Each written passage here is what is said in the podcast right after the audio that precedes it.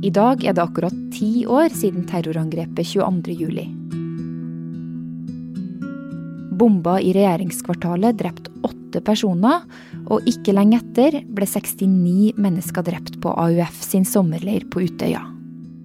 Flere hundre overlevende, pårørende og andre fikk merker for livet den dagen. Usynlige merker som av og til likevel blir synlige i et flakkende blikk, eller noen som huker seg sammen når ei dør smeller igjen. Nå viser ny forskning at de aller fleste som overlevde terrorangrepet 22.07, har sånne påminnere.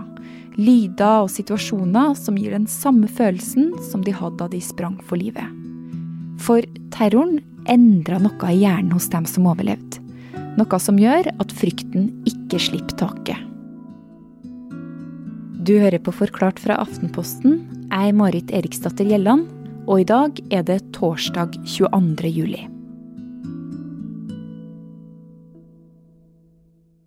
Man tenker i utgangspunktet at ti år er lang tid, men, eh, men, det er ikke det. Når du har uh, opplevd det som disse menneskene har opplevd, eh, blitt sikta på, skutt etter, løpt, eh, svømt, sett venner dø, så er det helt umulig å gå, gå videre i livet uberørt. Robert Veiåker Johansen har sammen med kollega Helle Årnes i A-magasinet brukt det siste året på snakk med overlevende og andre som ble berørt, for å finne ut av hvordan det går nå. Og en av dem er 23 år gamle Fredrik Bjelland. Jeg fikk høre om en sommerleir. Jeg husker at uh, det var snakk om at jeg måtte melde meg inn i noe som het AUF for å bli med på sommerleiren. Og da bare meldte jeg meg inn. Jeg tenkte ikke på politikk eller noen ting. Nei. Visste ikke at det hadde noe med Arbeiderpartiet å gjøre eller noen ting. En uh, ettermiddag tok jeg toget fra Oslo til Hamar, og på togstasjonen henta Fredrik meg. Uh, vi satte oss nede ved Mjøsa. Nå er han en stor, sterk 23-åring med langt skjegg. Men da var han en 13 år gammel gutt som var på sin første leir noensinne. Så det var bare for å ha det gøy med venner og sommercamp for ungdommer. 22.07 starta med lyden av regn på teltet. Uh, unge Fredrik hadde sov over uh, frokost, lunsj og middag og gikk, uh, gikk til samlingshuset til Storsalen for å prøve å få oss noe mat. Eh, han fikk kjøpt seg ei brus og en eh, pose potetgull. Så satt jeg der på en stol, og så begynte å høre smell, da. Mm. Og det var veldig sånn i det fjerne. Sånn ja, Det kom aldri fra tanken at det var skudd i starten. Men så ble lydene høyere. Og reaksjonen til folk rundt meg ble mye sterkere. Mye mer løping og skriking, og det er noen som skyter og løp, og folk som gråter og sånn. Etter hvert så er de skuddene sånn, sånn skikkelig høye. Du hører det liksom rett utover huset. Så steller jeg meg opp med potetgullen i hånda og brusflaska i den andre hånda. Så mister jeg det bare i bakken. Eller jeg bare slipper det. Og bruset bare renner utover, og potetgullet bare renner utover bakken. Så står jeg stille sånn helt i sjokktilstand uten at jeg klarer å røre på meg. For jeg bare vet ikke hva jeg skal gjøre. Ja. Vet ikke hvorfor. Kjenner at kroppen pumpes skikkelig. Hjertet pumper skikkelig. Jeg fikk ikke en dårlig følelse. Jeg fikk på en måte en sånn Det var akkurat som kroppen gikk i en sånn et slags modus som var sånn uh, som er liksom Som bare går på når du virkelig trenger det, da. Han uh, ser terroristen. Han ser Han beskriver det som at uh, han ser han skyte på en sånn kul måte som de gjør i film. Han skjønner at dette er farlig, og løper gjennom bygget. Finner et åpent vindu og hopper ut. Og det er høyt. Jeg har sett bilder der han hopper. Det er høyt. Han uh, forstår at han må bort fra der uh, terroristen er, så han uh, løper først gjennom gress. og så løper han til vannkanten, og der gjemmer han seg sammen med veldig mange andre. Da så jeg også flere som jeg kjente, ikke fra før, men som jeg hadde blitt kjent med på Utøya. Halvveis ga hverandre en klem og liksom bra, takk, bra du lever og mm. liksom sånn. når jeg hører skudd, ned i vannet og rundt der, så kommer de løpende til oss fra høyresiden. Masse folk. Og de sier til oss 'løp', vi må svømme. Eh, det var ikke mange som gjorde det. Men jeg bare hørte på det. Bare tok av meg skoene. Hoppa ut, ja, og T-skjorta tok jeg av meg. Så hoppa jeg uti i vannet med buksa på. Olebukse. Og så svømmer han så langt han kan under vann, før han kommer opp og henter litt luft. Mens det ble avfullt skudd. Og da kunne han se meg hvis han ville. Når jeg svømmer under vann, så lenge jeg klarer, opp for å puste bare, og så rett ned igjen, under vann, så gjorde jeg det kanskje ti repetisjoner, sånn til jeg var et stykke ute, da. Og da legger jeg meg på ryggen, og da ser jeg ingen, uh, ingen Breivik på toppen uh, av fjellet der, da. Uh, skuddene har gitt seg. Der ute i vannet treffer han to andre som han aldri har møtt før. De tre blir til slutt uh, plukka opp av en båt. Da er Fredrik så kald at han ikke klarer å komme seg opp stigen uten hjelp. Beina hans er stivfrosset. Eh, så blir de kjørt til, til landsida og senere frakta til Sundvolden hotell sammen med de andre overlevende. Og vi fikk jo gratis drikke fra brus sånn eh, skap, kjøleskap, kunne, glasskjøleskap som du kunne se gjennom. da. Kunne du ta en sånn glassflaske, og så var det glassbord i tillegg. Og alle hadde det, ikke sant. Hvis noen var litt uforsiktige, de drakk, og så satte de den ned, glassflaska i glassbordet, så det smalt sånn tsj. Folk begynte å gå under bordet, folk begynte å løpe, folk begynte å skrike. Og det skjedde opptil kanskje fire-fem ganger.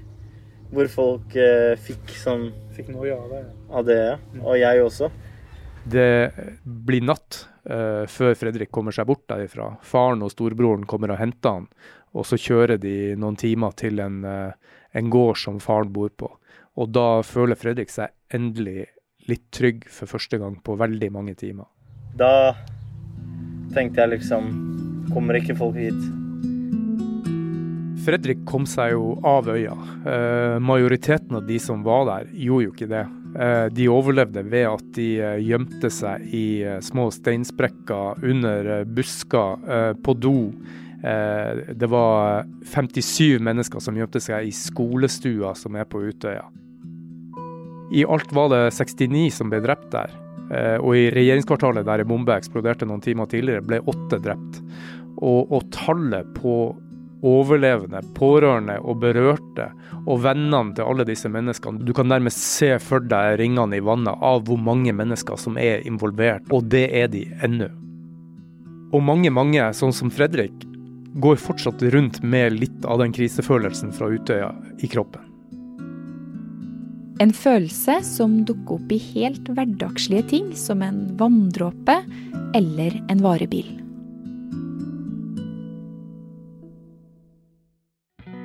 Robert, hvordan har det gått da med Fredrik de siste ti årene? Ja, det er jo en veldig spesiell historie, fordi at i starten gikk det greit.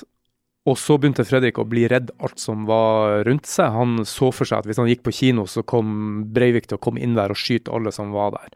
Etter hvert så gikk denne redselen for det som var rundt han, over til at han ble det han kalla redd i sin egen kropp.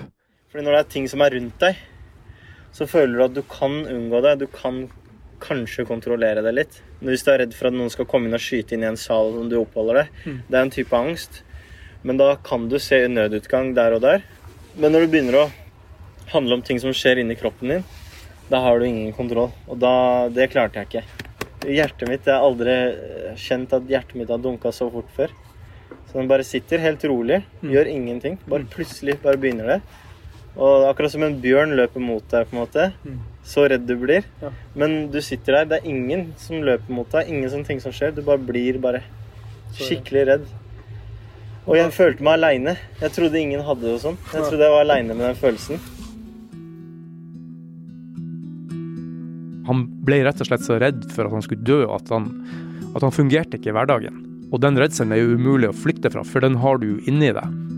Så Fredrik måtte ha hjelp, han måtte ha psykiatrisk hjelp, og, og han klarte ikke å fullføre videregående skole. Det var det verste. Det var når angsten ble til eh, dødsangst. Som ble sånn, eh, sånn hjertebank og sånn. For da Altså Hvis du møtte meg på den tida, så hadde jeg hånda inni T-skjorta konstant på hjertet. Bare for å kjenne at hjertet dunka. Det er helt sprøtt. Jeg var, jeg var livredd. I dag går eh, heldigvis ikke Fredrik rundt med, med, hånda på hjertet lenger, for å være sikker på at han er i live. Eh, han, han, sier at han ikke er redd lenger, men han har laga sine egne små leveregler. Han, eh, han skanner, han skanner kjøpesenter før han skal inn der. Han ser etter utveier. Og mens jeg intervjua han, vi satt nede ved Mjøsa, så, så, skjedde det også noe der jeg fikk se hvordan han har det. Så du jobba med det her i åtte mens, eh, mens vi satt der og, og prata stille og rolig, så, så, kom det plutselig fire sånne skarpe smell ute fra, fra Mjøsa. Ulike firmaer som tok kontakt med meg, ville ha annonser.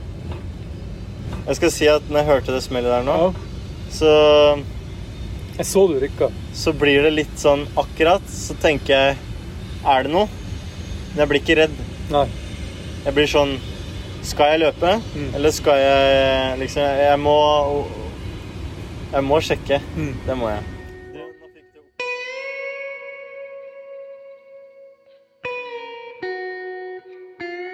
Helle Årnes, du har jo jobba sammen med Robert og undersøkt hvordan Fredrik og andre eh, som var berørt av 22.07, har det i dag.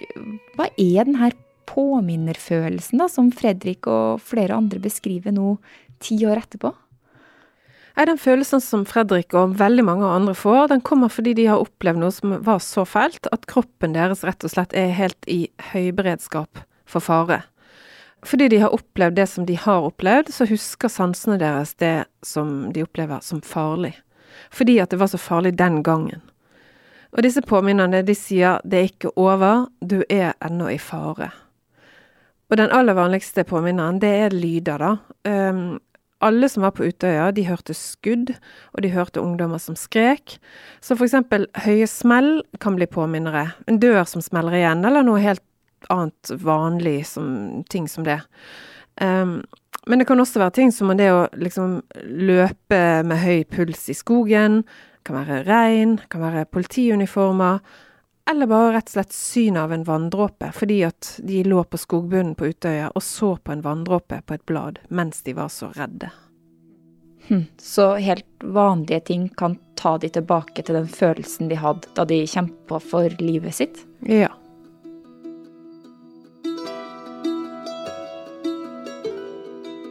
Veldig mange av de som opplevde terroren 22.07, har fortsatt reaksjoner som det her.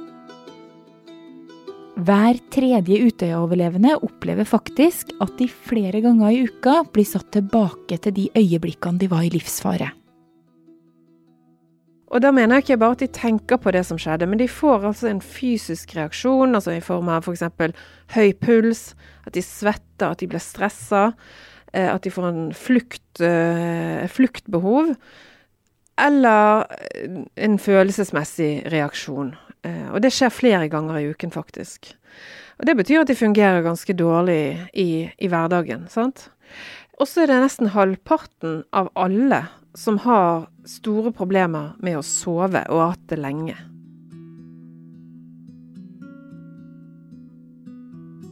Men du Helle, det er jo sikkert ganske mange som helst skulle ha sluppet det her, da. Hvorfor blir de stadig påminna det som skjedde av sånn ufarlige lyder egentlig, og lukter og, og andre sånn sanser rundt det? Nei, det at såpass mange av de er såpass dårlige, det henger jo sammen med at den hendelsen de var utsatt for, var så ille. Ja, altså, de var jo stuck i en helt ekstrem situasjon ganske lenge. Så det at eh, de var i den helt ekstreme situasjonen, det har faktisk også påvirket hjernen deres. Altså hjernen til de Utøya-overlevende har faktisk endret seg litt. Men hjernen har endra seg, altså hvordan da? Nei, altså Vi har et eh, område av hjernen som heter noe så fint som amygdala. Og amygdala er hjernens alarmsentral. Og den trenger vi, og den skal vi ha, fordi at den skal reagere når, er, når vi er i fare. Men hos disse ungdommene, da, så eh, viser forskningen at amygdala er forandret. Og konsekvensen av det er jo, kan altså bli disse påminnene, da. Og at mange sliter fortsatt.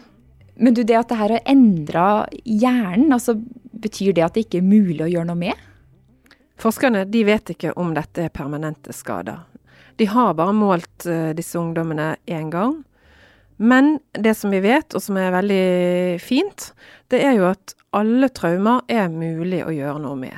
Det sier forskerne som jobber med dette.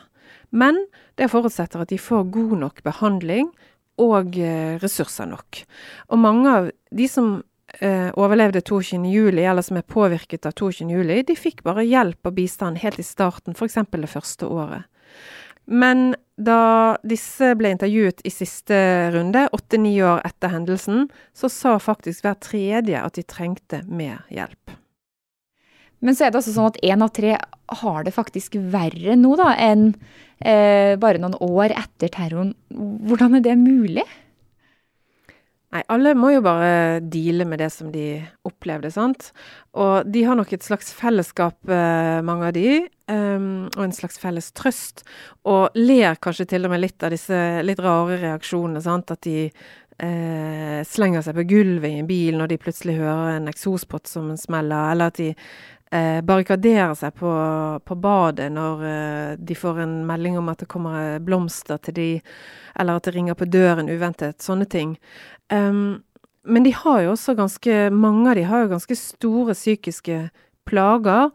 Og hver tiende av de ville f.eks. fått diagnosen posttraumatisk stress av en lege hvis de gikk til legen i dag.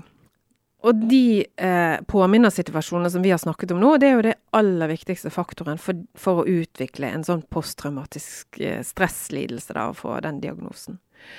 Jeg tror at eh, det er viktig å tenke på og forholde seg til at ti år etterpå så er det veldig mange som ikke har noen form for behandling lenger.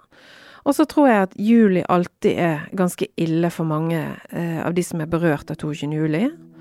Og så tror jeg også at eh, tiårsmarkeringen faktisk, oppmerksomheten rundt den, kan være en trigger i seg selv.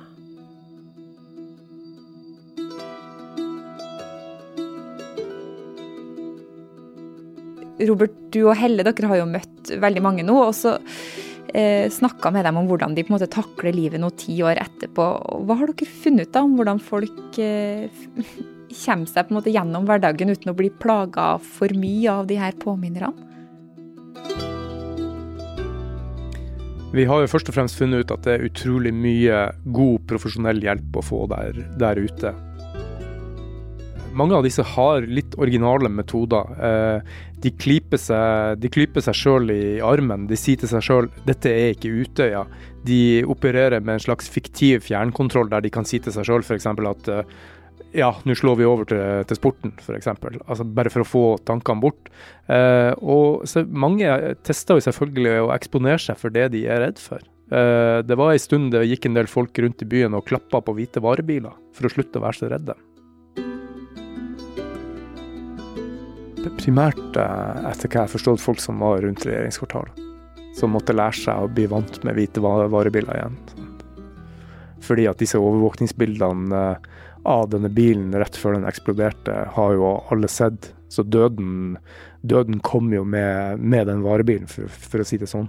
Og det er jo mange sånne varebiler rundt om i byen, så man må jo enten unngå dem eller bli vant med å se dem igjen.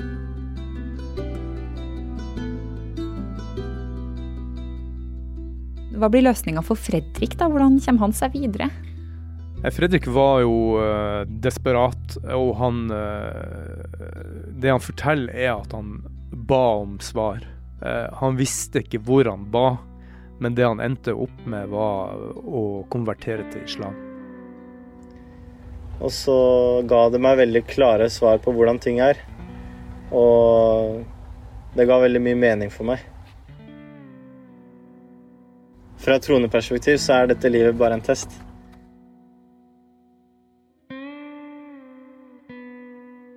Det han tenker om døden nå, er at det livet han har, det livet han lever akkurat nå, er ikke så farlig fordi at eh, det kommer et liv etterpå.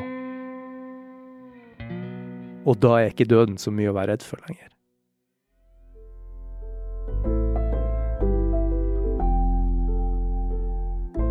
Denne episoden var laga av Anne Lindholm og meg, Marit Eriksdatter Gjelland. Resten av Forklart er Fride Næss Nonstad, Guri Leiel Skedsmo og Ina Swann.